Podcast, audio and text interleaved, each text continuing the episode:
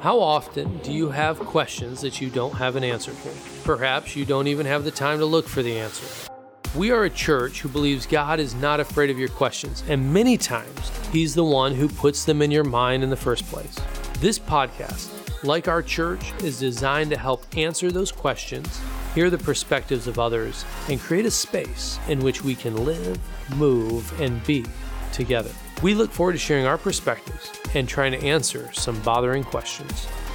We've been going through a series called Live, Move, Be. It was inspired from the book of Acts as we looked at chapter 17, in which Paul encourages people and tells them it's in Christ that we live, move, and have our being. And really, what we're doing is saying, how was the early church functioning? As you know, we're a new church. Uh, we're a church plant in the middle of Wilanów, and we've been thinking through our values. We've been thinking through statements of faith and how even the culture of our church should be running and looking. And so, what we've been doing is going right through the book of Acts and following this thing called the church. Uh, how did it start? Uh, what did they do? So, this has been kind of the heartbeat of our series, Live, Move, and Be. And these three words really encapsulate the summer. So, our prayer is that during the summer, you'll be able to live a little bit, move a little more, and hopefully just find some time to be and to rest, and hopefully even get over to a beach and listen to the ocean waves and get some sun tanning. Ha, sounds great. All right, enough of that. So, hey, I wanted to go right into chapter four. Uh, we've been going right through the book of Acts, not really chapter by chapter, more section by section, uh, thought by thought. And in Acts chapter four, it's kind of an interesting moment because last week we looked at how Peter uh, had spoken to a crowd of people that was around him. And the reason they were around him is because they had just performed a miracle. There was this man, he was lame, he couldn't walk, and Peter, through the power of Christ, uh, was able to raise this man up and the people are shocked and they're wondering what's going on. And so Peter goes into this message, this gospel presentation, and he begins to tell them uh, that times of refreshing have come, that God is coming, uh, and that um, it's been spoken about through all of the prophets. And he's inviting us to be a part of the mission that he's been on. That was last week's message. The thing is, not everybody is always going to be happy about some of that. And the way that we've designed our service going forward is that we will spend time talking about three different questions. What does the chapter tell me about God? What does it tell us about humanity? And then what does it tell us about me that I need to do? How could I live this out? So let me just kind of jump right into Acts chapter 4, verse 1. Um, yeah, there's some other thoughts that I had about the previous chapter, but I'm not going to tell them. No, I'm not going to. I'm going to go right into chapter 4. All right. Chapter 4 The priests and the captains of the temple guards and the Sadducees, they came up to Peter while they were speaking to the people. They were greatly disturbed because the apostles were teaching the people and proclaiming in Jesus the resurrection of the dead. They seized Peter and John, and because it was evening, they put them in jail until the next day. But many who heard the message believed, and the number of men grew to about 5,000. The next day, the rulers, the elders, and the teachers of the law met in Jerusalem. Annas, the high priest, and uh, was there, and so was Caiaphas, John, Alexander, and other men of the high priest family. They had Peter and John brought before them, and they began to ask them, By what power or in what name do you do this? Then Peter, filled with the Holy Spirit, said to them, Rulers and elders of the people, if we're being called into account today for an act of kindness shown to a cripple and are asked about how he was healed, then know this, you and all the people of Israel. It is by the name of Jesus Christ of Nazareth, whom you crucified, but who God raised from the dead, that this man stands before you healed. He is the stone you builders rejected, which has become the capstone. Salvation is found in no one else, for there is no other name under heaven given among men where we must be saved. When they saw the courage of Peter and John, they realized that they were unschooled, ordinary men. They were astonished, and they took note of these men that they had been with Jesus. But since they could see the man who had been healed standing there before them, there was nothing they could say. So they ordered them to withdraw from the Sanhedrin, and they conferred together. What are we going to do with these men? They asked. Everybody living in Jerusalem knows they have done an outstanding miracle, and we can't deny it. But to stop this thing from spreading any further among the people, we must warn these men not to speak no longer to anyone in this name. Then they called them back together and they commanded them not to teach or to speak at all in the name of Jesus.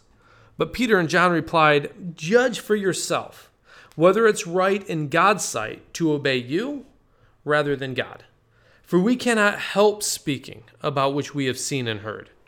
After further threats, they let them go. They couldn't decide how to punish them because all the people were praising God for what had happened. For the man who was miraculously healed was over 40 years old. Uh, this is uh, an interesting passage because here Peter and John have been brought before the really the temple courts, and they're being held into account by this uh, healing that had taken place. And this guy was crippled from birth. It tells us he's now 40 years old, over 40, and he's experienced this incredible healing there's a couple of things that come to my mind about this. Uh, first, after his addressing the crowd due to the fact the man was healed, uh, Peter and John, I love this little statement that they say. If we're being called into an account for an act of kindness, I'm going to get back to that, but we have a saying in English that says, No good deed goes unpunished. And I feel like these religious leaders, they're getting upset because Peter and John are preaching that Jesus Christ is raised from the dead. Now, this is interesting because they had known that Jesus had raised from the dead because they helped cover it up. If you remember back in the um, Gospels, they had had guards positioned outside of the tomb, and the guards came back and told them something crazy happened. Angels came, we were knocked unconscious, and the body's gone. And these religious leaders had worked together to cover up this whole thing. So now, Peter and John are standing up preaching the fact that Jesus Christ is raised from the dead. This conspiracy that these religious leaders had attempted to cover up is now coming out. And there's this boldness of Peter and John actually preaching this message what happens here, I believe, is not just that this man was healed. I mean, that's an awesome event. That's an incredible miracle. They can't deny it. The problem that we have is now they're preaching the name of Christ, which the religious leaders have been trying to get rid of for the last three, four years of his ministry. So, what does this tell me about God? Uh, what does this tell me about God? When I think about this passage here, reminds me of a passage in Mark chapter 3 verse 14. It says, Jesus is calling the 12 apostles, and it said he went up to a mountainside to pray to call those that he wanted. And then it says in verse 14, he appointed 12, designating them to be apostles, that they might be with him and that he might send them out to preach. So, at the very beginning of Peter and John in this instance, in the very beginning of their ministry, they've been called to be with Jesus and they are going to be sent out to preach. They spend three years with Jesus. Their lives are radically transformed. And what interests me here in chapter 4 is verse 13 says this When they saw the courage of Peter and John, and they realized that they were unschooled, ordinary men, they were astonished and they took note that these men had been with Jesus. The transformational power in Peter and John's life came from the fact that they were with Jesus. It is this call to discipleship. And when I think about the power of us being around Jesus through his teachings, through the Holy Spirit, through our relationships with each other, God through Jesus is discipling our hearts and raising us to be men and women who are transformed by the gospel to be able to speak boldly the gospel with courage. It inspires me when I think about discipleship and God's passion for raising up men and women. What does this remind me about humanity? When I think about humanity, I'm reminded about Acts chapter 2 because if you remember in Acts chapter 2, the first message that they get up and speak, there's different responses by the crowd. And we talked about this weeks ago. Some of the crowd was confused. Others, they mocked and they laughed. And then there were some others who believed. And now in this passage, I see one more group of people. Uh, these are the hostile. It's a group of people that are just hostile to the name of Christ. They don't like anything about it, they don't want anything to do with it, and they're trying to crush it and to push it down. I look at this and I think, you know, here are these apostles preaching and proclaiming a message. They've preached it to some who are confused, some who mock and laughed, now to those who are hostile. But even still, it says in verse 4 many who heard the message believed, and that day the number of men grew to about 5,000. Even in the midst of hostile, there will always be those of us who believe and who have been inspired by God to understand the message of Christ. I think about that and that message back then and even today, it's still offensive. It says here, salvation is found in no one else, for there's no other name under heaven given to men by which we can be saved. It's a verse that goes against every religion or idea. It doesn't create space for people to find their own way to God. It doesn't allow there to be a concept of all religions are equal. Or, like I've heard before, that all religions are just different paths going up the same mountain. The message back then, and even today, is still offensive. There will be those that are hostile to that message. They're going to be confused, they're going to mock, but there will always be those that believe. And what we read in here is that there is no other name given among men that we can be saved except through the name of Jesus Christ. So, what does it inspire me to do? I think about how Peter and John viewed this healing. It's an interesting way that they phrased it. They said in verse 9, if we're being called into an account today by an act of kindness, it's interesting to me that they see it as an act of kindness. I mean, to me, helping an old lady across the street is an act of kindness. I mean, they literally gave somebody the gift of being able to walk again. This to me exceeds an act of kindness. But what they understood is there are things within us that we are able to do to love and to care for other people. And when they saw this men, for them, it was just simply an act of kindness. They saw, what do I have that I can give somebody else?